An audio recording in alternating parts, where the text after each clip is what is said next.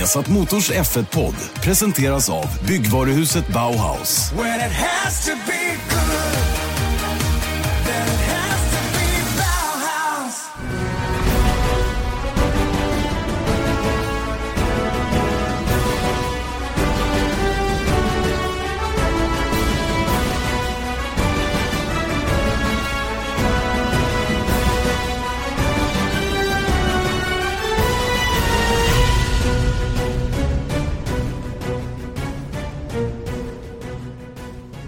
Mycket välkomna till Viasat Motors Formel 1-podd. Formel 1-podden från Viasat Motor med Janne Blomqvist, Erik Stenborg. Jag själv nyss hemkommen från Kanada. Eh, ganska trött just nu faktiskt. Jag antar att du eh, inte är lika sliten. Nej, men jag sov i tält i natten till måndagen med min son. Den givna och, eh, frågan är varför. Ja, speciellt eh, 20 meter hemifrån. Så att det kan man fråga sig. Nej, men det var mysigt, men man sover inte så bra i tält. Nej, jag har been there, done that, så att säga. Då. Det där är mm. ganska mysigt ändå. Framförallt, hade, jag kanske inte hade pappa med mig, men, men du, din son är ju så liten än, så jag förstår om inte han vill ligga själv där ute. Nej, det hade inte gått, tror Vi... jag. Men hur som helst, eh, jag känner mig kände mig lite jetlaggad igår i alla fall. Jag kan tänka mig det. Eh, som sagt, hem från Kanada då. Det var ju en eh, ganska smutt resa. Vi flög hem redan runt eh, midnatt där från, från Montreal via London då. Och Montreal-London, det är ju faktiskt under sex timmar. Mm. Så, så, det är helt okej, okay, måste jag säga. Bra uppdelning på det, om man får, om man får välja. Eh, och sen då London och Stockholm. Så det, det var uh, perfekt på alla sätt och vis. Vi firade av Fotomange som givetvis fyllde år på måndagen den 11. Mm. Eh, vi passerade ju midnatt där någonstans så att då kunde vi fira på honom lite grann. Eh, och han har ju haft för, för vana att eh, nästan alltid fylla år då just den här helgen. Mm. Eh, vi firar faktiskt hans 40-årsdag ett år. Eh, det vill säga för sju år sedan då. Ja, då ställde vi till med Stor fest. Stor fest. Absolut. Nej, men, men det är lustigt att han är alltid i Kanada ja. på sin födelsedag. Och faktum är att Eje fyllde 50 i Kanada. Mm. Det var länge sedan. Ja, det är jätte, det är sjukt. Det är 15 år sedan. Då satt han själv uppe i mediacentret och kommenterade den dagen, kommer jag ihåg, för jag var inte på plats. Sen fyllde han givetvis 60 också. Kan det vara så? Ja, jag tror det. Han fyller nämligen den 15 juni. Mm. Så att, eh, och grabbarna har legat i det, i det spannet och det ändras ju inte från år till år. Och eftersom loppet har legat ungefär på samma ställe så, så har vi fått fira lite födelsedagar där. Eh, hur som helst, eh, det gjorde vi eh, innan vi åkte hem då. Men jag tycker det var en bra helg i Kanada. Jag gillar i Montreal och du var ju inne på i förra veckans podd att de hade breddat lite grann i paddocken där. Mm. Och det hade de faktiskt. Eh, det var inte så att de hade gjort någon mer, eh, mer ö eller mer utrymme så, utan de hade helt enkelt breddat pontonerna som teamens, eh, teamens eh, hospitality-byggnader står på. Så de hade något helt annat att ta in sina gäster i den här gången. Det var, var klart mycket mer utrymme och, och eh, mer inom citat normalt så att säga då, för dem att jobba i när de är på sådana overseas-lopp. Då. Mm. Bra för dem. Det tycker jag. Och eh, i övrigt så var allting sig likt. Den gamla depåbyggnaden och våra gamla fina kommentatorshytter som jag har nämnt några gånger nu då. Det var någon som efterfrågade en bild på den på min eller vår Facebook eller vad det var. Och eh, jag tog en bild och visade upp hur det såg ut. Men det, det, det, ger inte riktigt, bilden ger inte riktigt rättvisa till hur eländigt det är där. Nej, För det, faktiskt. Är, det, det är nog helt bedrövligt. Alltså, det är gammal råttskit i trappen och det knirrar och knarrar. Men det är liksom som att de snickrar ihop den där lite grann för varje år. Och jag hoppas eh, verkligen att det nu knackas ner efter den här helgen nu och tas bort och aldrig kommer till användning igen. Men då blir det inte samma liksom, vibe heller. Man måste ju känna det. Liksom. Visst, men den, ja, ja, det är inget större fel på placeringen av den. är rätt cool. Vi sitter ju på insidan då, precis innan sista chikanen där. Och man ser ju väldigt bra. Man kan stå där ute på balkongen och titta på supportklasserna när de kör och så vidare. Men helst vill man ju ha lite mer praktiskt, rent eh, placeringsmässigt. Helst ovanpå garagen. Det tycker jag är bra, för då har man ju nära till allting. Så eh, det, det får vi hoppas att de gör nu när de bygger nytt. Mm. Det kanske de gör. Stämningen var på topp där nere, det var ju, eller där borta ska man kanske säga. Det var ju fantastiskt mycket folk, precis som vanligt, redan från eh, eh, redan från torsdag egentligen så var det mycket folk då, men, men under fredagsträningarna var det mycket, mycket folk på läktarna och sådär. Det är ett välbesökt lopp där, det är ingen tvekan om den saken va, och det är det är, jag vet inte vad det är som gör att det drar så hårt att åka just till Montreal och, och Kanada då. Men det är väl för att det är, det är inte många lopp på den här sidan Atlanten och eh, det är långt mellan gångerna. Nu är det juni och nästa gång i oktober eh, som man kör ner i Austin. Va? Det är väl det som gör det kanske. Då. Sen har ju kanadensare tror jag lite förkärlek för Formel 1 ändå. Ja, men det är ju verkligen, vi gjorde ju en liten grej av det med Jacques Villeneuve där och det, det är ju, jag, jag, tycker ändå att det är slående, visst det kan vara folkfest i Austin också, men det, är inte, det var ju främst de första åren, sen så kanske det liksom tunnat av lite mer och mer. Men i Montreal så är det ju jämnt. Det är ju supertryck och det känns som att kanadensarna överlag är väldigt Eh, kunniga om Formel 1 också. Absolut. På ett sätt som kanske inte amerikanerna är. Nej, och det är väl det som kanske är den stora skillnaden. Va? För att varenda en man träffar där, tillrest kanadensare eller vad det nu är för någonting, så har de eh, teamtröjor och det är liksom, ja, man, man, är, man är inne i det på ett annat sätt kanske än amerikanerna är då. Ja, ja men det känns som, det, det är någonting där, men eh, det är bara att jobba vidare i USA. Men det är kul att vi är kvar tycker jag. Trots då att kanske racet inte var någon höjdare den här helgen. Vi, vi, kan komma till det om en stund. En annan parallell som jag skulle vilja göra med USA det är ju faktiskt att nationell tv gör en stor grej av Kanadas Grand Prix och det händer ju inte i USA. Där är det ju mer en lokal angelägenhet för Texas och, och det är väldigt svårt att nå ut med Formel 1 i, i nationell media så att säga när man kommer till, eller till, till USA just då. I, i Kanada där, du vet eh, de här CBS då som är Canadian Broadcasting Corporation eller vad de nu kan heta. Eh, de, de öser ju på. De har ju fem, fem live-reportrar står inne i Paddock på olika ställen och lämnar rapporter till de här nyhetsprogrammen de har. Och det, det öses på med, med förintervjuer och gud vet allt vad det är. Va? Så det, det är ett enormt tryck mediamässigt också när det gäller, gäller just eh, kanadensisk media. Mm, det är bra.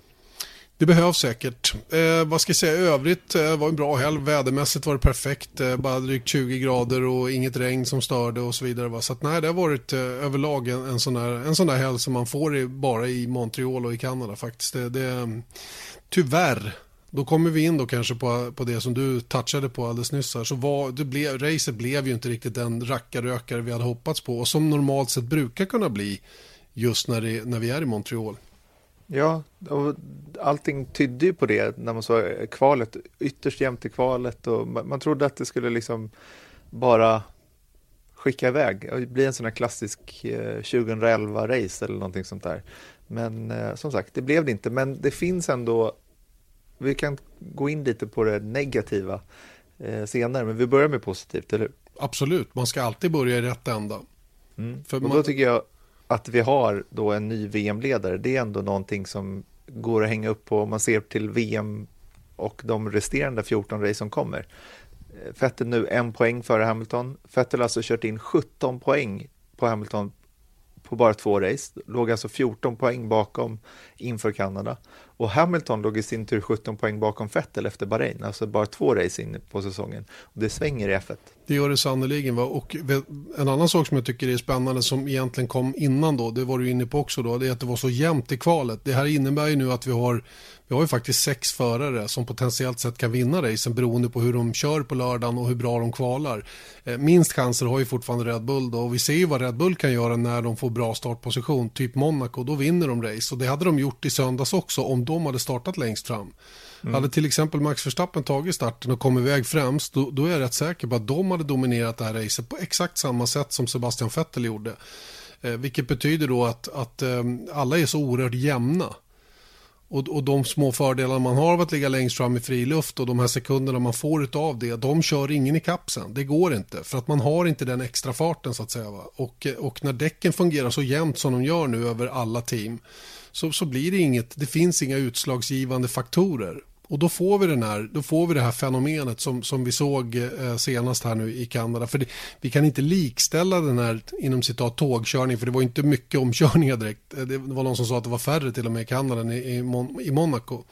Eh, och det hänger ju inte ihop med banans beskaffenhet för den är omkörningsvänlig, banan i Kanada. Men det hänger ihop med hur jämnt det är mellan varje bil. Och då, då är det så att man, man, hur ska du då kunna komma upp och köra om en annan bil? Det är ju inte någonting du gör bakom ratten som förare utan det kräver ju att materialet ger dig den möjligheten. så att säga. Man får inte de här fluktuationerna som man behöver för att få dynamik i loppet. Och Det är väl den stora anledningen till att det inte hände så himla mycket i racet. Då. Mm. Ja, vi ska titta lite extra på det lite senare, men, men eh, ändå då så, så har vi Vettel i ledningen framför Hamilton. Bottas och Ricciardo är 34 respektive 36 poäng bakom toppduon nu, så då kan man undra, är det de två det gäller? Jag, jag, tror det. Max Verstappen körde ju otroligt bra här nu i Montreal, men han har spelat bort sina chanser genom att slarva i inledningen på den här säsongen. Då. Mestadels egen förskyllan så att säga. Men, men, han är för långt efter helt enkelt för att kunna liksom blanda sig i det här på riktigt. Så nog blir det Ricardo och Bottas som, som, eh, är de som ser ut att vara närmaste utmanare. För, för jag tycker inte Kimi Räikkönen kommer upp på, på nivå någon gång. Jag vet inte, nu har, han, nu har han ramlat tillbaka i gamla synder känns det som igen. För han var ju väldigt bra i inledningen på säsongen. Va? Och jag vet inte om bilens utveckling har tagit en väg som inte passar Kimis körning eller vad det nu är för någonting. Va? Men någonting är det i alla fall som gör att han nu har tappat lite grann av den här fina formen han hade i inledningen på året. Va? Och eh, det kommer inte att gynna honom för resten av den här säsongen. Eh, jag tycker man kan nästan sätta lite likhetstecken på det som har hänt eh, i Sauber mellan Leclerc och Eriksson. Som vi också ska prata om lite längre fram. Va? Men det, det svänger fort även där så att säga. Va? Och det kan mycket väl vara en uppdatering på bilen som, som har gått i en riktning så att säga. Då, som passar den ena föraren bättre än den andra. Mm.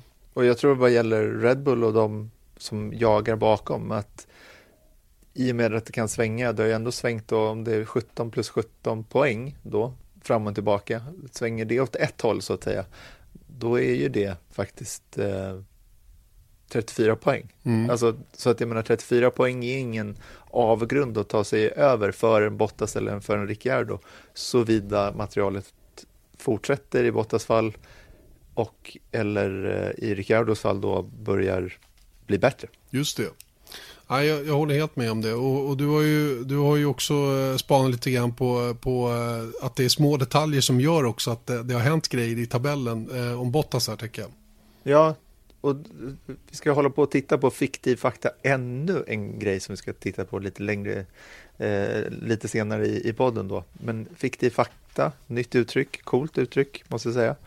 Eh, men låt oss börja redan nu då med att om Bottas inte hade fått den där punkan i Bahrain i ledning i Baku, och där, i, i Baku ja, och tappat de där 25 poängen som en seger ger och därav också inte givit Hamilton sju extra poäng som han då fick när, när Bottas bröt så hade han bara varit åtta poäng bakom Vettel och bara två poäng bakom Hamilton i VM.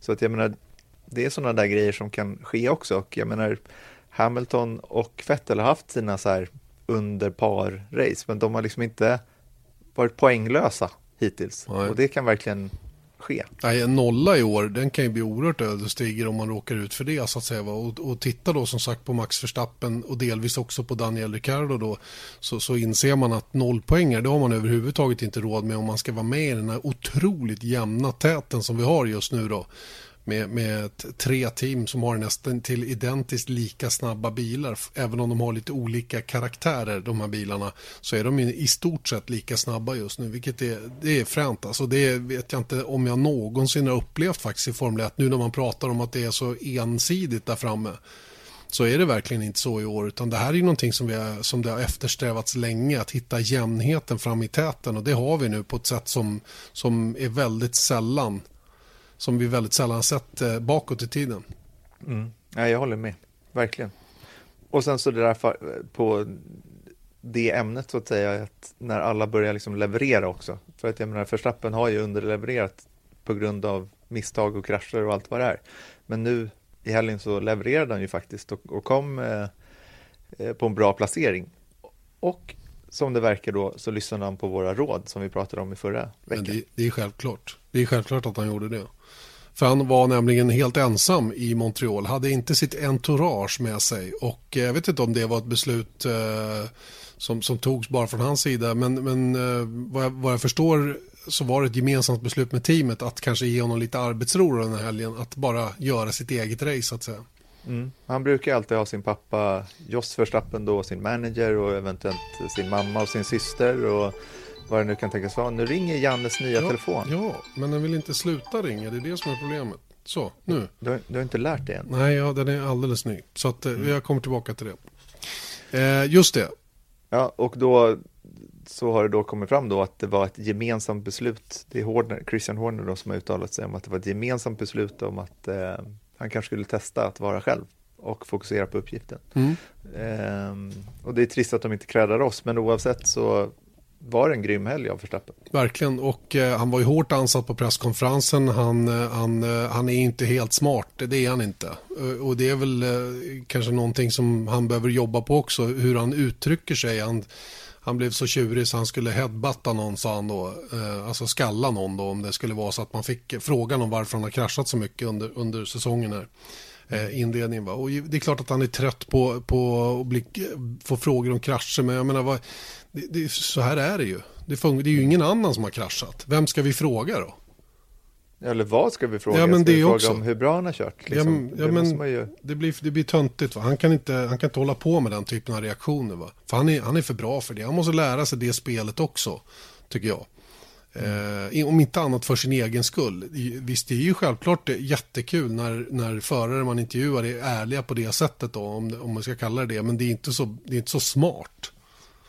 Nej, men det är också lite så här, det, det, vi har vårt jobb att göra i depån och annars sitt. Och då, jag menar, det är ju fakta också. Det är inte så att han har kraschat en gång och så säger man att han kraschar hela tiden, utan har, han har kraschat varje helg fram till Kanada då. Och då tycker jag att det är en högst relevant fråga att ställa. Och en högst relevant fråga att svara på. Mm. Det var en eh, journalist från Daily Mail där han satt som en, eh, som en stenstod och så bara sa han det. Du, eh, varför har du kraschat så mycket, sa han. Mm. E-, efter då en utläggning som hade kommit från Förstappen innan då. Ja. Och det, och det, man behöver inte provocera, det verkar ju korkat. Va? Men, men han, han satt bara tyst, stirrade på Förstappen som då undrade, är den här riktigt klok den här killen? Mm. Men till slut så kom det ett svar eh, som var något mer balanserat. Va? Så att, eh, det, det, ja, nej, men det, så där är det. Och det, en annan grej som inte heller tycker jag platsar, för, för den blir lite fånig. Va? Efter kvalet då, hans fina insats där så så fick han beröm av Christian Horner vid radion och så säger då eh, Max Verstappen, ja det verkar som att jag kan köra ändå.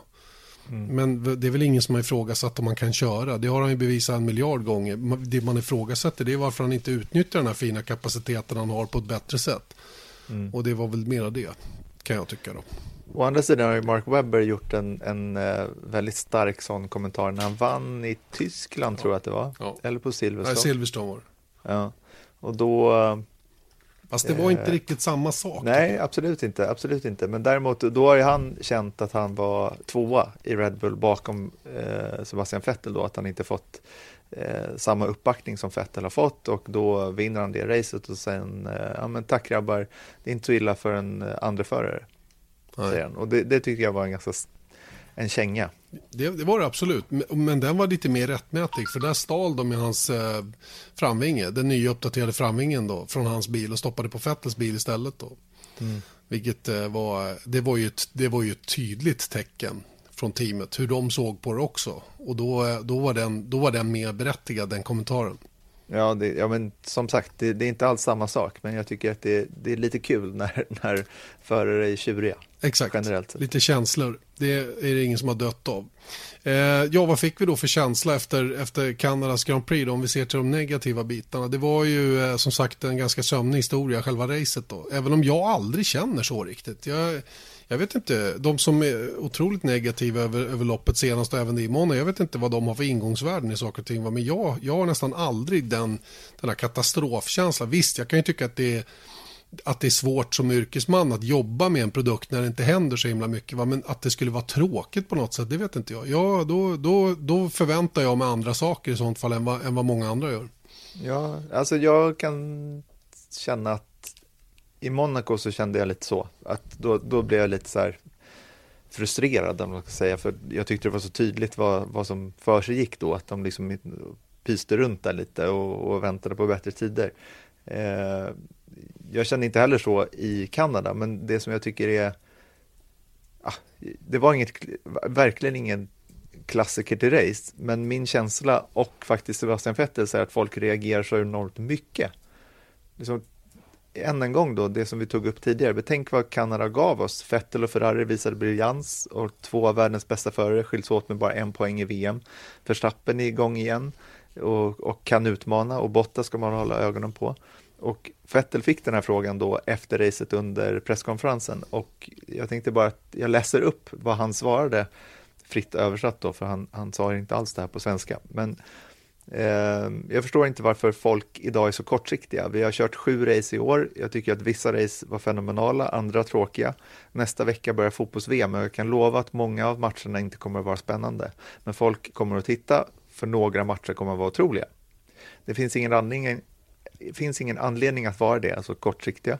Försök inte ens att hitta ett svar på det här och skriv ingenting, skriv om någonting annat. Jag tycker att vi gör vårt jobb i bilen och om det går så racear vi.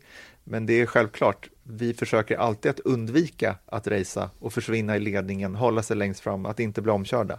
Det bara är så att vissa race är spännande, andra är det inte.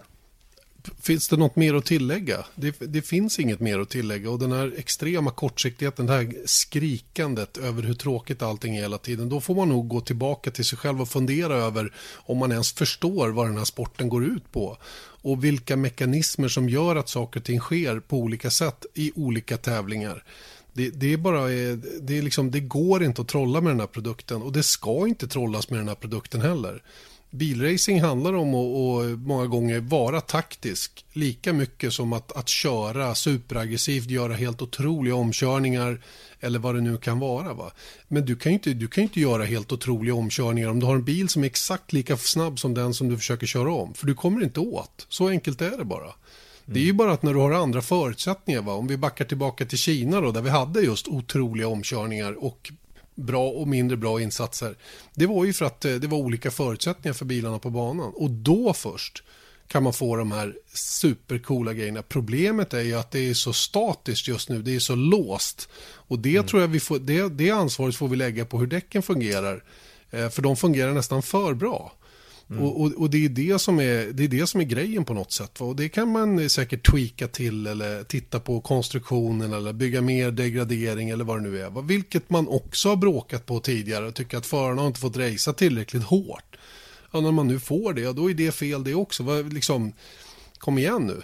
Man får, ju, man får ju förstå lite grann vad det här handlar om. Och, och, och precis som Fettel säger, en fotboll, hur många fotbollsmatcher av dessa hundratusen som spelas ett år är spännande, ärligt talat. Det är inte många. Nej. Nej, men det är inte det. Det är inte det. Det är inte Nej. det. Det är kanske 10% som är klassiker. Ja, ja max skulle ja, jag tro. Ja. Och då är inte jag liksom på rätt ställe att avgöra det för att jag kan inte tillräckligt som fotboll. Men jag, jag tycker samtidigt att alltså, jämförelse med fotboll, det är en helt annan, annan grej. Och jag, jag tror att det hade varit en helt annan eh, ljud i skällan så att säga, hade Kanada varit bättre än Monaco eller Monaco hade varit bättre än vad det var. För att nu när det blir två halvtrista race i rad då, så, så blir det lite så här. Och Spanien var ingen höjdare heller, men då glömmer man ju direkt bort att Baku var det. Jag tycker Kina var det, jag tycker Bahrain var det. Mm. Så att jag menar, det, 50, det är där, 50 det, det är den här kortsiktigheten. Då har vi 50 procent. Ja, i varje fall eh, ja, ja, 38 för, för, då ja, någonting sånt. Men spillerill, jag tror att man kan koka ner det här till två punkter. Teamen vill absolut inte gå i depå, det var det som du pratade om, att däcken fungerar så, så pass bra. De vill inte gå i depå två gånger eftersom det har de räknat ut då är en långsammare väg från start till mål. Därför sträcker man ut stintar och då blir det försiktig körning och dock inte lika försiktig körning som det var i Monaco här i Kanada då. Ehm, och nummer två tror jag att Aeron och bredden på bilarna gör saker och ting svårare att köra om. Och punkt två, alltså Aeron, jobbar de på redan till 2019 med förändrade aeroregler. Jag är som sagt, vi är båda tveksamma till den där kraftfullare DRSen som de pratar om, men framvingen de föreslagit, föreslagit känns bra. Gott så, eller hur? Mm. Punkt två, sett till de bra racen i år så är det mig veteligen, jag är inte helt säker på att det till 100% stämmer, men det finns två anledningar som har spelat roll här. Safety cars och två stoppstrategier, alltså mm. två stycken däckstopp. Alternativa Sa strategier i alla fall, vilket vi inte har sett någonting av på slutet. Nej, för att det varit givna förutsättningar så att säga. Safety cars kan man inte styra över, men fans har efterfrågat däck som man kan pusha på och steg i den riktningen gjordes till i år och det har enligt mig inte blivit bättre.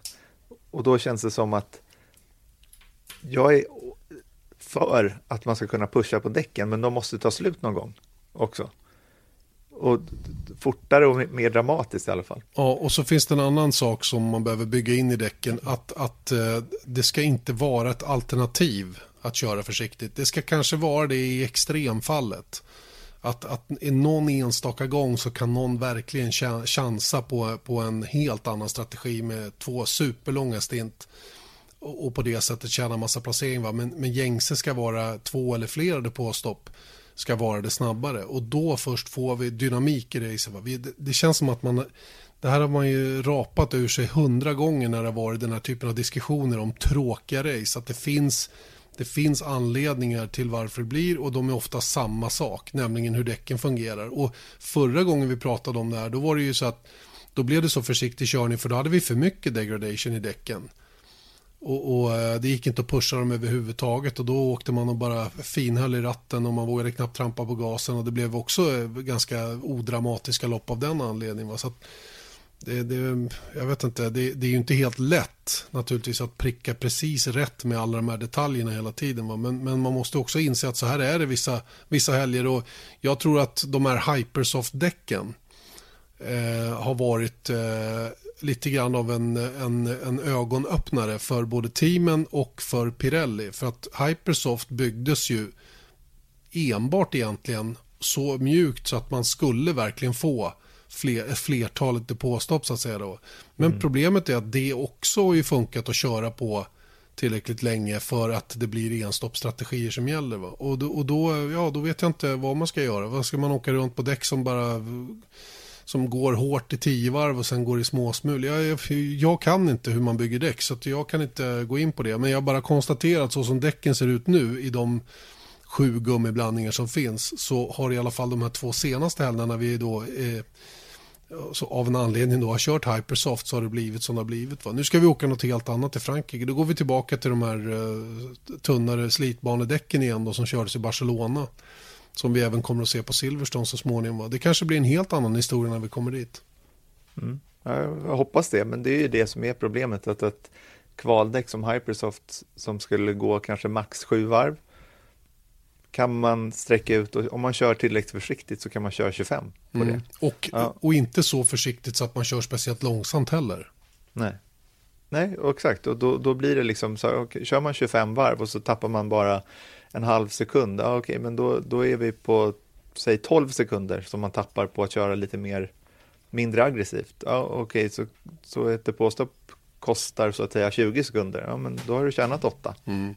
Och då kommer inget team gå in på extra. Nej, nej. Så är det bara och eh, vi, får, vi får helt enkelt se vad som händer framöver för det är ju ingenting man kan förutse nu. Det är, det är mycket möjligt att för de här två banorna som vi har varit på nu är dessutom väldigt, väldigt speciella på kalendern. De ser ju annorlunda ut. Eh, där, där Monaco är som den är, det har vi redan diskuterat och Montreal den ser ut som den gör och är inte lik någon annan bana på kalendern egentligen. Då. Nej. Så att um, det, det, jag tror att det, kan, det, det är nog två så här undantag, hoppas jag. Mm. Ja, du, du vet, apropå givna förutsättningar, det finns inga sådana för Paul Det är första gången som moderna bilar ska köra där. Jag menar, de har testat där någon gång i fjol, men det är en helt annan grej att komma dit och racea. Absolut, absolut. Och som sagt då på de här tunnare slitbanedäcken då som har bara gått en tävlingshelg än så länge och som vållade en del bekymmer för, för några team i alla fall och gynnade andra. Så att, eh, ja, det blir spännande att se vad som, vad som kommer hända när vi kommer till Frankrike. Det ska vi ta upp i nästa veckas podd. Eh, när vi dessutom har en liten preview med vår eh, Pirelli-chef också, Mario Isola. Mm. Eh, sett till Mercedes då som var storfavoriter egentligen då eh, innan man kom till Kanada har ju haft fantastiskt resultat där genom åren. Inte minst då Lewis Hamilton. De, de gick bort sig helt faktiskt. Eh, och det började egentligen redan innan helgen när de, när de hade valt för få, för få Hypersoft-däck. Mm. De tog eh, bara fem set jämfört med åtta för Red Bull och Ferrari mm. och sju för de flesta andra då. Det är åtminstone två set mindre. Vilket gjorde att de, de körde inte Hypersoft förrän på, på lördag. lördag. Nej. Nej, det var ju otroligt annorlunda att se hur de jobbade och, och eh, man insåg ju ganska snabbt att de naturligtvis planerade att köra, köra Q2 då på, på Ultrasoft och inte på Hyper och kanske hade tänkt sig att klara sig ändå. Men vi hörde ju Hamilton efter fredagens körning där att han var ju lite han tyckte att det var dumt att de inte hade kört Hypersoft på fredagen för att få en känsla för hur de däcken fungerar i alla fall. Och det kanske var det som gjorde sen att han bara, inom citat, kvalade in fyra. Han gjorde några små misstag när han fick på den där mjukaste gummiblandningen. Möjligen då för att han inte hade fått tillräckligt mycket körning på dem då. Att kunna testa fram hur hårt han kunde ligga på dem så att säga. Mm. Det och den här motoruppdateringen som de skulle introducera i Kanada den här helgen men de, eh, ja, de hade den med sig va? Till Kanada men den ansågs inte tillförlitlig och eh, de körde istället med gamla motorer som de hade planerat att köra i Ungern i slutet av sommaren då som inte är en motorbana. Exakt. Så att, och, och då förstår man ju själva att liksom, okay, men då sätter de här motorerna i Ungern där kommer vi förlora absolut minst på att köra de här motorerna för att de är inte starka tillräckligt på en motorbana då som Kanada så är det klart det är ett jättehandikapp.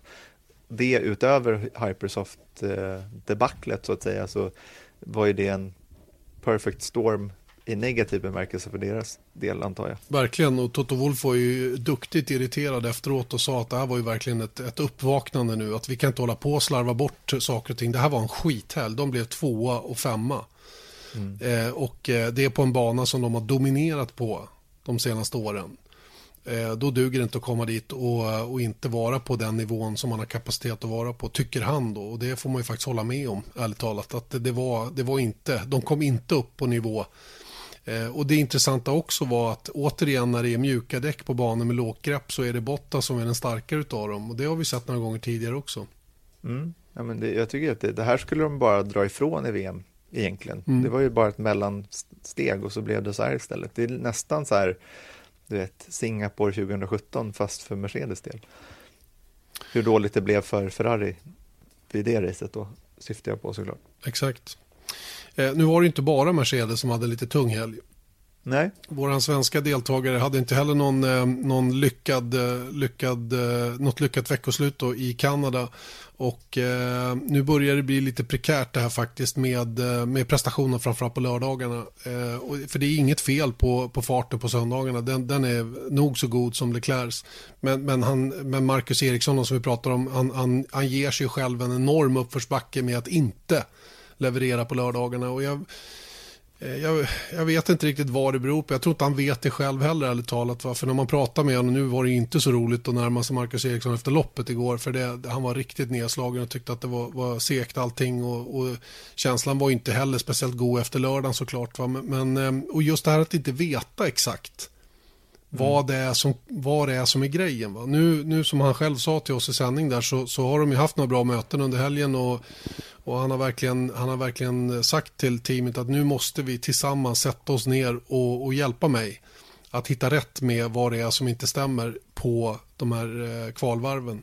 För att eh, tappa så mycket redan i starten så, som man gör i det avseendet, va? Det, det kommer att bli för tufft helt enkelt. För speciellt som Leclerc är på en helt annan nivå och, och eh, tar ut max av bilen och han gör det direkt när han kommer ut på nya däck hela tiden. Va? Och det är också en stor skillnad mellan honom och Eriksson att Leclerc är aggressivare på en gång och får till det på en gång och vad det beror på det, det, det kanske inte ens finns något enkelt svar på det utan det, det är, inte, det är inte svart magi givetvis va? men det, det, är någonting i alla fall som har hänt. Eh, och eh, ser man på statistiken, eh, de har eh, eh, strax under 16 i, i startposition då för Leclerc och strax under 18 för Eriksson då.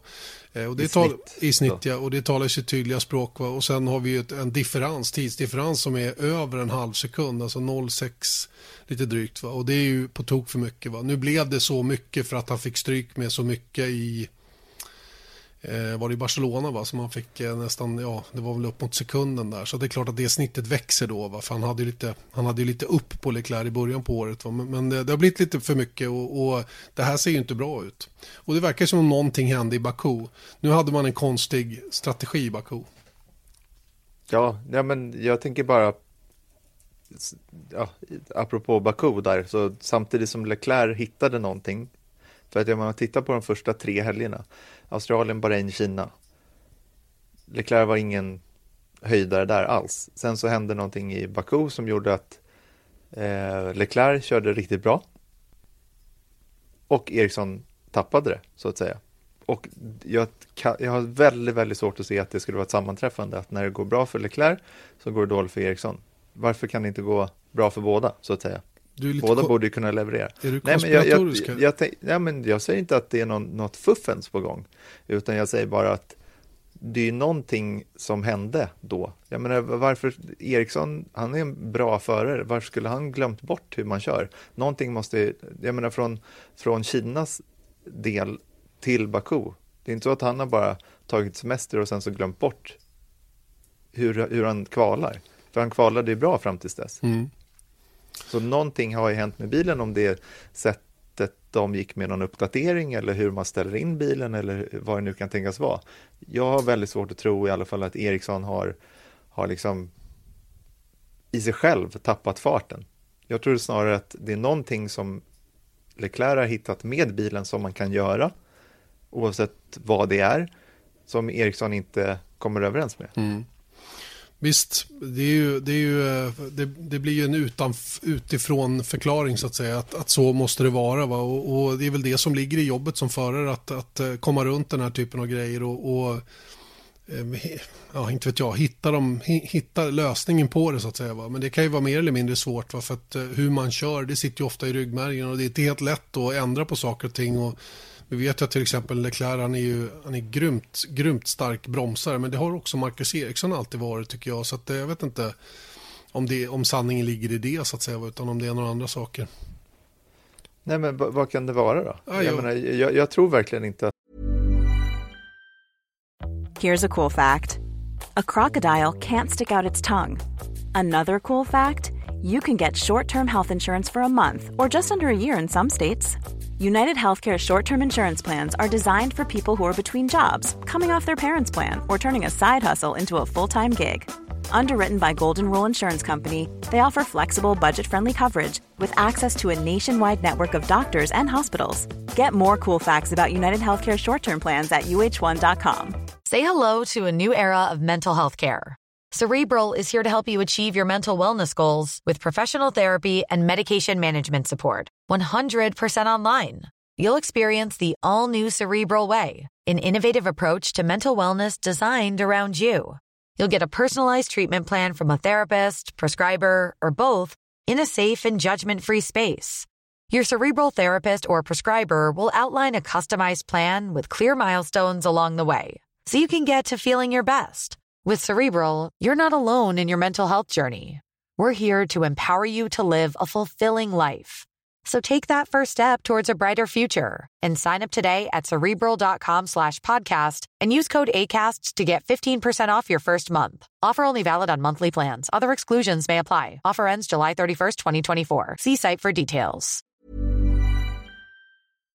Att det är liksom visst, en förare kan, vilken idrottsman som helst kan liksom tappa formen. Men jag menar, varför, liksom, vad är det som vad är det som händer då? Mm. Fyra helger i rad, att man tappar formen just i kval. Mm.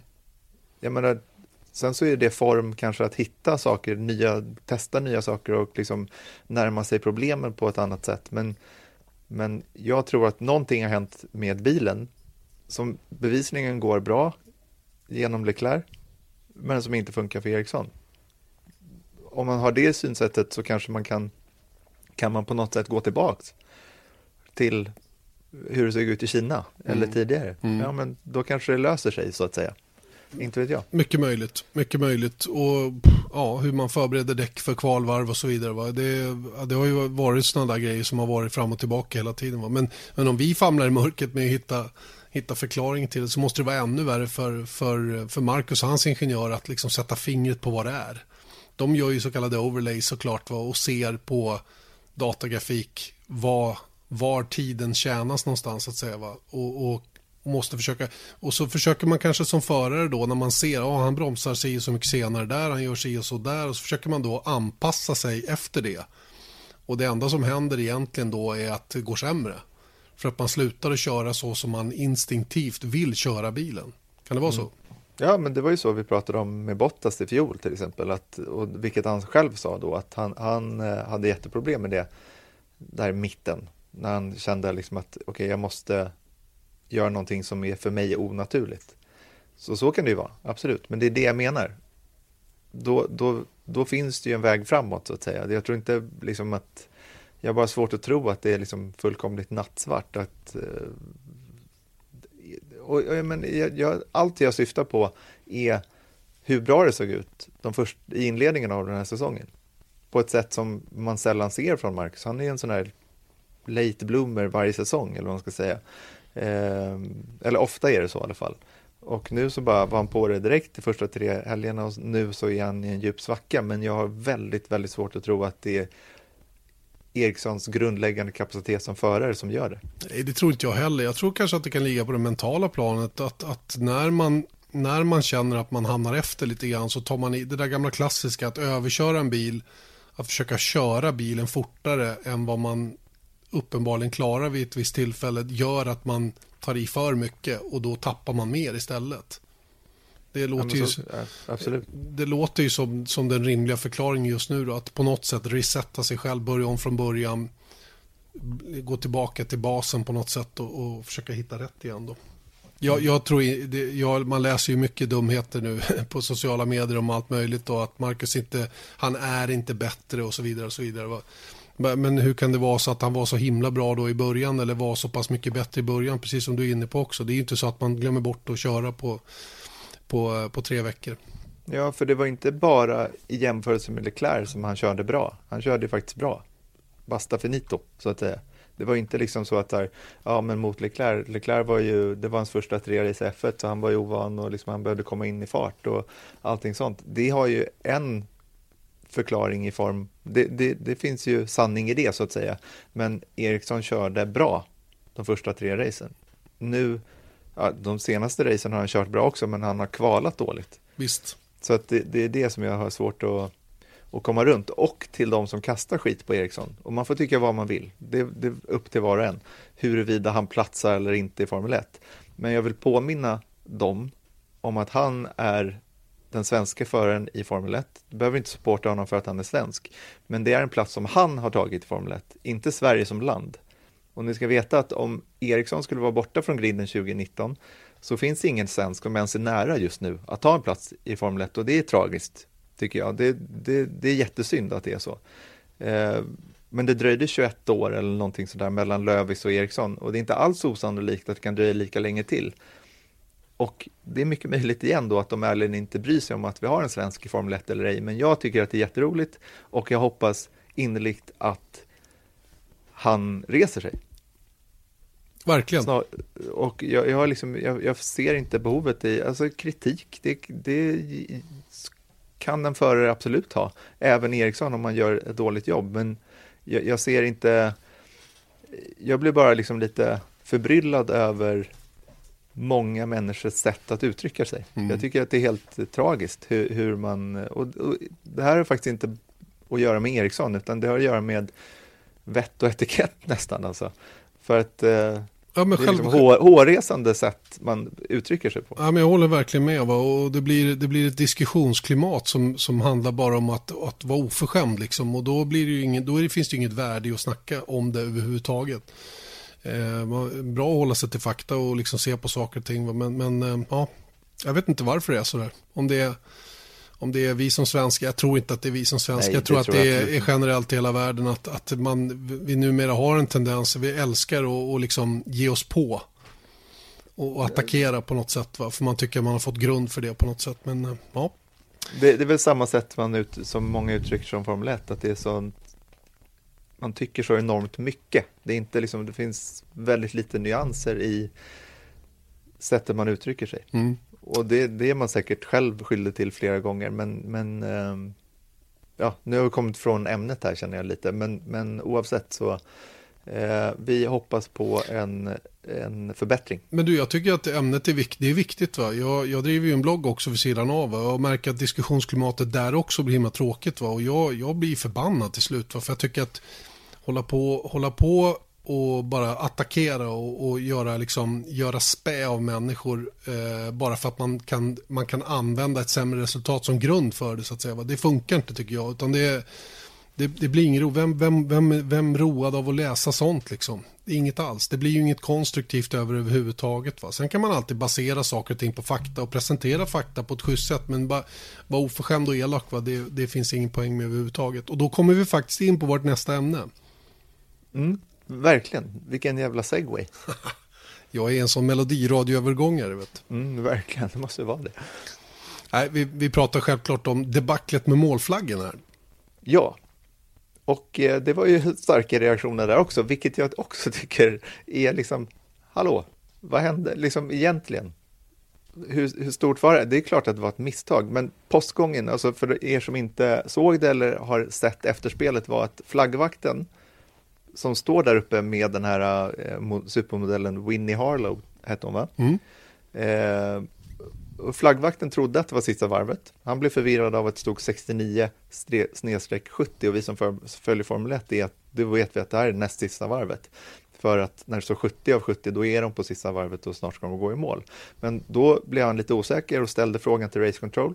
Han trodde dock, eller de trodde dock att han konstaterade faktum. Det här är sista varvet. Och med syftning på 69 70 men han menade det som en fråga. Och Eh, fick då ett eh, jakande svar. För att han, de trodde ju liksom, nu när Fetter passerar mållinjen, då är det sista varvet, eller hur? Och då blev det en missuppfattning och då säger den här flaggvakten åt Winnie Harlow att flagga av. Och det gjorde hon också, så det var ju inte hennes beslut att bara, jag ställer mig här på det här, på den här eh, podiet och vifta lite. Det var inte alls så det gick till. Det är inte riktigt så det går till, nej. Exakt, nej. utan eh, det är lite, lite mer noggrant än så. Va? Utan det här var ju bara ett, ett, ett, eh, ett oturligt misstag, en mänsklig faktor då som, som stökade till så att säga, som inte hade med henne att göra överhuvudtaget. Va? Och så blir det då, alla bara kräks ut över att hon fick stå där uppe och, och, och vifta med den svartvit rutiga flaggan och en sån klantig tjej som går upp och gör ett varv för tidigt. Va? Det, det blir fånigt. Ja, men det är klart att liksom, vadå? Hon har ju inte bett om att få göra det heller och liksom, det är Formel 1 som har satt henne där och sen så, jag menar det hade flaggats av fel antagligen då även utan henne. För att den här personen som styrde och ställde där uppe hade fått saker och ting av bakfoten och då hade, han, hade det varit han som hade flaggat av så hade han också gjort det. Mm. Nej, men det, det, är klart att det är ett misstag från tävlingsledning som inte ska hända. Så det, det behöver de ju titta över så att säga. För det är aldrig bra när det blir såna här grejer. Va? Sen fick jag en fråga faktiskt. Jag tror jag fick det till podden. Den kan vi ta här nu då. Det är ingen riktig lyssnarfråga. Men varf, varför man sen backar tillbaka till varv 68 då som sista tävlingsvarv. Och det har ju att göra med att reglerna säger det. Det är även vid en rödflagg till exempel så ska man backa tillbaka till det senaste varvet när det var full grönflagg. så att säga. Va? Och det, det, det, senaste varvet som det var det då i racet, det var ju det 68 varvet. Just det. Eh, och, då, och då backar man resultatet dit. Det, det, så, sån är regeln bara. Det, det tycker jag, det har jag inga problem med att, att det blir så. Det som blev konsekvensen var ju att, att Perez tappade ju den omkörningen han gjorde på Magnusen på sist, näst sista varvet och eh, det som också hände var att Daniel Ricciardo blev av med snabbaste varvnoteringen till Max Verstappen. Mm. Så att, eh, men det är ju också akademisk betydelse i mästerskapet. Det är skillnad om det hade gett VM-poäng. Ja, då hade det varit lite då, kämpigt. Då, då hade det varit lite stökigt, ja. Det hände ju faktiskt en grej eh, för 15 år sedan i Brasilien, 2003, när Fisichella vann sin enda seger i Formel 1. Och det var ju också av den anledningen att då började folk, precis i slutet av racet, började folk krascha till höger och vänster. Jag tror Alonso var med där, jag tror Webber var med där. Eh, och, vilket gör att de flaggar av. Och då eh, går ju hela liksom efter race-proceduren bara ett. Så att eh, jag tror att Kimmy blev utropad som segrare där, men då när de kom på flera timmar efteråt att shit, vi måste ju backa ett, eh, ett varv till. Då visade det sig att det var Fisikella som var i ledningen. Så att han fick inte vara på podiet eller någonting. Så jag tror att det där var, det blev liksom rättsliga åtgärder som höll på i, i flera dagar efteråt och sen så till nästa race då så gjorde de en ceremoni på startgriden där Kimmy lämnade över eh, pokalen till eh, Fisichella. Nästa race som var premiären året efter. Ja, det kanske det var. Ja, det var det. I Australien ja. så var det en liten ceremoni där man levererade pokalen då, vinnarpokalen från McLaren då till Jordan var det va? Mm, mm. det var det. Så det var ju annorlunda. Sen så hände väl någonting annat i Brasilien när Pelé flaggade av fel också. Ja, just det. Det har, det har hänt lite sådana där grejer någon gång då och då. Jag, sen kan man ju fråga, fråga, fråga, man kan fråga sig och det här med att ha kändisar som vinkar av och så vidare. Va? Men jag tror inte, det är klart att det blir en extra osäkerhet varför de frågar. Är det sista varvet? Ska jag göra det här nu? Och det kanske blir lite extra rörigt där uppe. Jag har ingen aning, va? men, men eh, egentligen ska det inte spela någon roll. För att får de bara klara besked så är det såklart att de vinkar av racet vid rätt tillfälle. Ja, det kan ju inte vara svårare om någon annan gör det än, än en annan person. Liksom. Nej, så, att, eh, så, att, ja. Så är det, så är det. Hörru du, eh, en annan sak som vi kan, som jag blev lite intresserad av. Jag såg ett tweet av någon som hade gjort en liten poängställning över eh, Formel 1 B-VM. D- Division 2. Nu är vi inne på fiktiv fakta här känner jag. Exakt. Och eh, det här är lite kul tycker jag att man kan, man kan ju faktiskt se det på det här viset att det finns ett B-VM. Vi har de tre toppteamen då som kör i A, A-divisionen då så att säga och de, de är ju en klass för sig. Men hur ser det egentligen ut där bakom? Och det blir ju lite, det blir ju lite, an, in, det blir lite annorlunda ställning då faktiskt om man, om, man, eh, om man räknar bort de sex främsta bilarna och deras resultat så att säga och gör ett VM med 25 poäng till vinnaren då i B-klassen om vi kallar det det. Och, och 18, 15 och så vidare va? I, i de sju race som har körts då. Och du var ju, eh, du var ju finurlig nog och räknade ut det här till mig. Ja, jag gjorde det. Och jag kan säga att då i, i låg, för, än en gång, jag pratade om de här dokumenten som vi får från FOM efter racen som är analysdokument helt enkelt. Och då kunde man se tydligt där att i lågfartskurvor hade toppteamen i snitt då 0,7 sekunders övertag på resten av fältet. Det är ganska mycket tid alltså i lågfartskurvor. Per varv alltså. Och det var, oj nu ringer det igen. ringer det igen. Jag tycker du ska börja ska forska lite i hur du ska Hur stänga av av det. ljudet. Ja. Eh, vad var jag? Jo, 1,2 sekunder hade de övertag över Williams i lågfartskurvor då. Och det kan man ju då konstatera att de här toppteamen, Mercedes, Red Bull Ferrari, de är i en annan liga och det kanske man ska ta, fast, ta fasta på, Mm. tycker du? Ja, jag kan tycka det, eh, eventuellt. Jag, jag, är inte, jag är inte helt hundra ännu, men jag tycker det är intressant ändå att se hur VM-tabellen ser ut i B-klassen. Och där har ju du kommit fram då till att Nico Hülkenberg leder på 98 poäng. Mm. Jag ska säga det då, att då, när jag räknade ut här så tog jag bort alla Red Bull-förare, alla Ferrari-förare och alla Mercedes-förare, så de inte finns. Det är alltså det är 14 förare hela VM. Mm. Och då, då leder alltså Nico Hülkenberg på 98, en poäng före Carlos Sainz 97 och Fernando Alonso på 82. Fyra är Kevin Magnusson 68, före Perez 67 och Kahn 64, Pierre Gasly 55, Charles Leclerc 45, Stoffel van Dorn 44, Marcus Eriksson 29, Lance Stroll 26, Brandon Hartley 14, Romain Grosjean 11 och Sergej Sirotkin på 5. Eh, I riktiga VM är det ju faktiskt så då att Alonso är främst utav B-VM-förarna med 32. Samma poäng just nu då som Nico Hülkenberg. Och eh, vad har de? 8 poäng till godo på Carlos Sainz då som är 9 i VM. Magnusen har 19 och är 10. Emma eh, Gasly har 18 och är 11. Före Perez på 17 som är 12 och Con 13 på 11 poäng. Eh, Charles Leclerc är 14 på 10. Har inte han 11 också? Eller kanske, ja, strunt samma. Eh, Van Dorn har 8 poäng på 15, Stroll är 16 på 4, Eriksson är 17 på 2, Hartley är 18 på 1 poäng, Grosjean, Sirotkin är 19 och 20 utan några poäng överhuvudtaget. Eh, och, och det gör ju då att det blir, det blir faktiskt lite olika inbördes ordning här nu då, när man tittar på det på det viset. Och jag ställde mig då frågan, borde vi ha en B-klass i VM, typ LMP2 i World Endurance Championship med VM-poäng och en världsmästare i division 2-klassen. Skulle det finnas något värde i det? Kanske. Och vet du, vet du då, då, skulle ju nämligen, då skulle man ju dela ut poäng till alla. Och då skulle det bli intressant. Och då kommer vi till det som du har pratat om tidigare. Att det vore bättre att dela ut poäng till alla förare, alltid. I, i ett och samma VM i och för sig. Va? Men här kanske man skulle kunna ta det ett steg till. Att ha ett B, en B-kategori så att säga då, där, där det är ett eget VM och en egen VM-titel då, där man tävlar på mer lika villkor med varandra. Sen vet inte jag hur man ska kvala in till de respektive världsmästerskapen här. Renault är ju trots allt ett fabriksteam. Och jag menar, ser vi, på det, ser vi på det krasst så är ju faktiskt inte Red Bull ett fabriksteam Nej, på det sättet. Så är det faktiskt. Och, och, eh, det finns ju säkert sätt att göra det på, till exempel eh, räkna på budget och allting sånt där också. Men, men det som jag tror, nu ska jag börja såga dig. Bra, så, underbart. Så, så luta dig tillbaka och eh, försök att må så lite dåligt som du bara kan. Jag vänder Nej. andra kinden till. Ja, nej men jag tänker liksom att jag, jag förstår tanken för att det blir liksom på något sätt upplever jag det som att det kanske är ett sätt att så här, lyfta division 2, om vi nu kallar det det. Eh, men samtidigt så tycker jag att man devalv...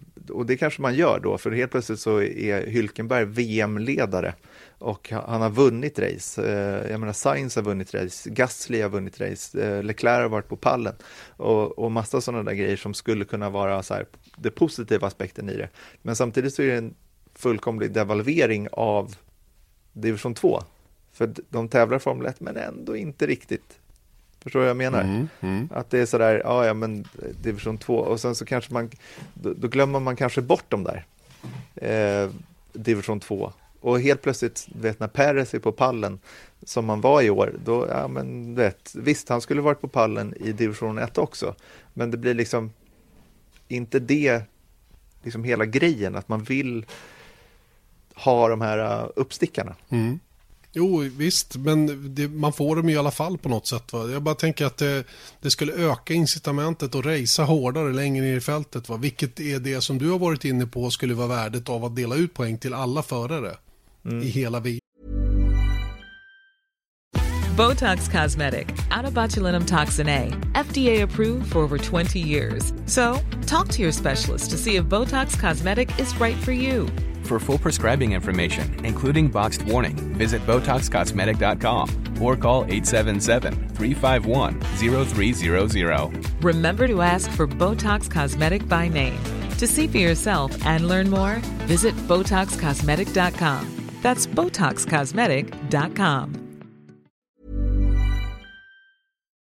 Och, det, och ju, ju mer jag tänker på det så är kanske det den mest gångbara vägen för att få, för att få lite mera ja, lite mera, vad ska jag säga, attack på banan även om man inte kör om en tionde plats så att säga va?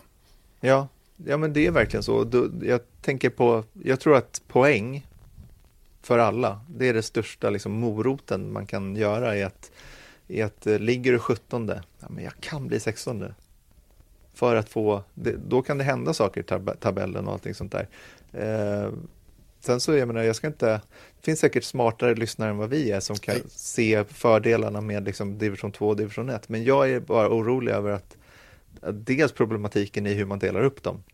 Det blir jättesvårt för om man går på budget, ja men då du vet, det finns en risk också att ja, men, vi satsar istället då på att vinna division 2. Eller så är det Force India som, som man kvalificerar, kommer man fyra då är man i division 1. Ja, men vi vill inte upp till division 1 för att där kan vi inte vinna. För där är vi fortfarande du vet, 20 procent av eh, Mercedes budget så vi kan inte vinna över dem. Liksom. Så att, eh, jag tror kanske att, om jag säger så här, innan 2021 så kanske det här skulle kunna vara någonting. Eh, men jag tror att den långsiktiga lösningen är att göra det mera, hur ska jag säga, lite lättare för teamen att konkurrera sinsemellan oavsett klass så att säga. Och en annan poäng som du har det är ju att det är ju att eh, om, vi nu, om det nu är poäng som ska räknas och vi rankar ju väldigt mycket förare efter poäng. Det blir väldigt stort när någon kör in en VM-poäng.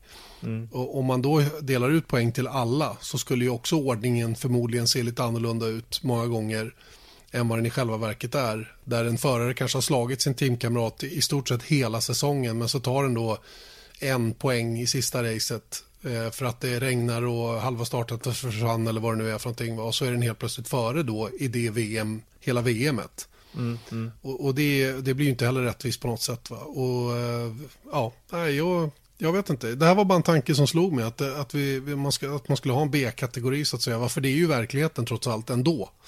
Mm. Och varför inte då göra det verklighet av det? Ja, men, eh, kom med era kommentarer. Jag tror vi ska lägga upp den här uträkningen på vår Facebook också så det blir mer överskådligt om, om uh, hur skillnaderna ser ut. För det är många som är på samma positioner ändå. Men jag menar, det är uh, det skiljer en stor del för många förare också. Mm, absolut. Det, är, det är kul att titta på och kul att fnula på om inte annat. Verkligen, verkligen.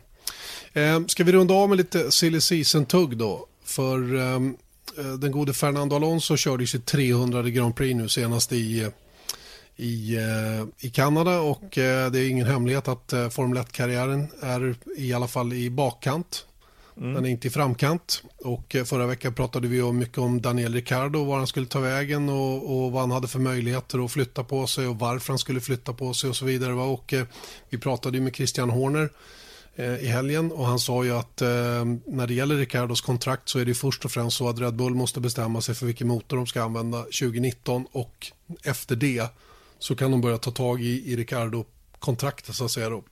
Mm. Och, du, får jag hoppa in där lite? Det får du göra apropå att nu har ju Renault börjat bli lite tjuriga på, på Red Bull. För att eh, de hade en deadline någon gång i maj, att de skulle ta ett beslut då, eller Red Bull skulle då delge Renault eller Honda om vilka motorer de skulle gå på till 2019. Eh, den deadlinen blev förlängd till eh, juni någon gång. Och eh, då har Red Bull sagt att nej men vi, vi berättar det i sommaruppehållet. Men det, det gick inte Renault med på och nu då så säger de att eh, nu har Red Bull sagt, Red Bull sagt då att ja, men det där efter Öst, till Österrike kommer vi eh, berätta hur det ligger till.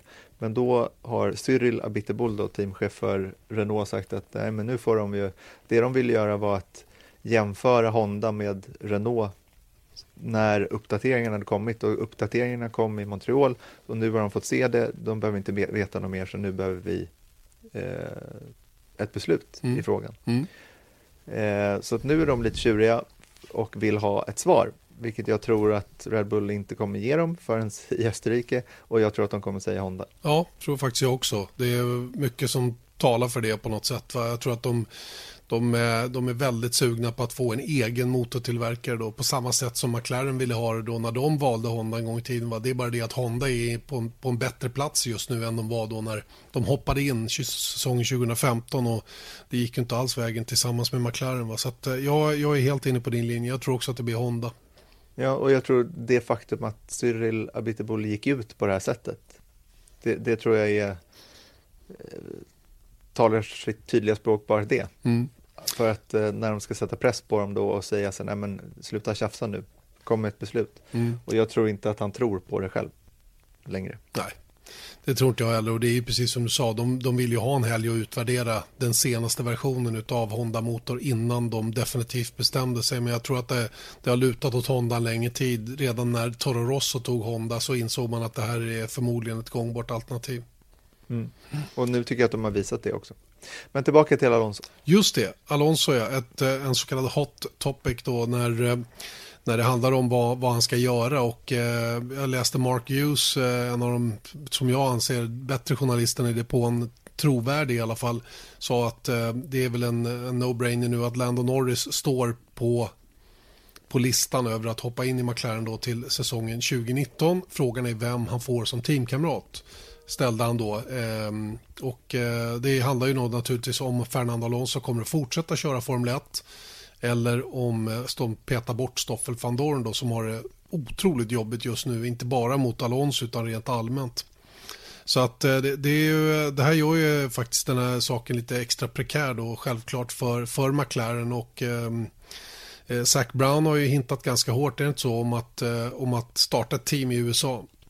Mm dels det att han kommer starta ett eh, Indycar-team under namnet McLaren vet jag inte, men jag förutsätter att det är så. Det lät så i alla fall.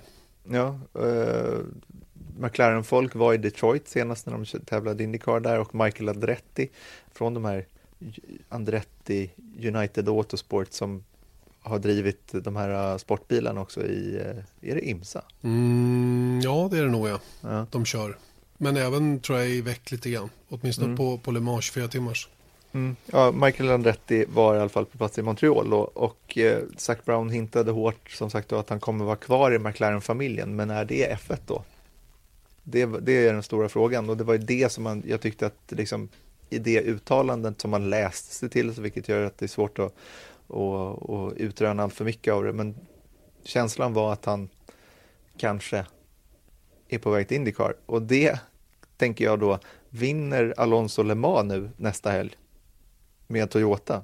Det är egentligen han, eh, hans bil eller Toyotas systerbil som bör göra det, mm. så, såvida allting håller ihop det. Eh, då har han vunnit Monacos GP och Le Mans och då är det bara Indy 500 kvar i The Triple Crown som det så fint heter. Och då är det förmodligen det smartaste att köra full säsong i Indycar för att verkligen komma in i det där och inte bara göra ett, ett försök för Indy 500 och det är väl det som, som det här spekulationerna lutar åt då så att säga. Mm. Och eh, det, det sades också mycket då om, om schemat i Formel 1 och då vet inte jag, skulle han vilja fortsätta i Toyota 2019 samtidigt som han, han tävlar för McLaren i Formel 1?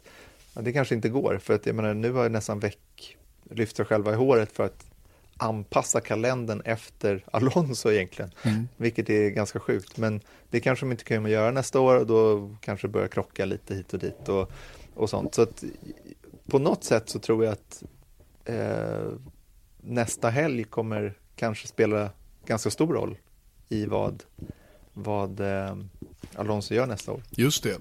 En annan rolig detalj i hela det alltihopa är ju att eh, Force India är på väg att säljas.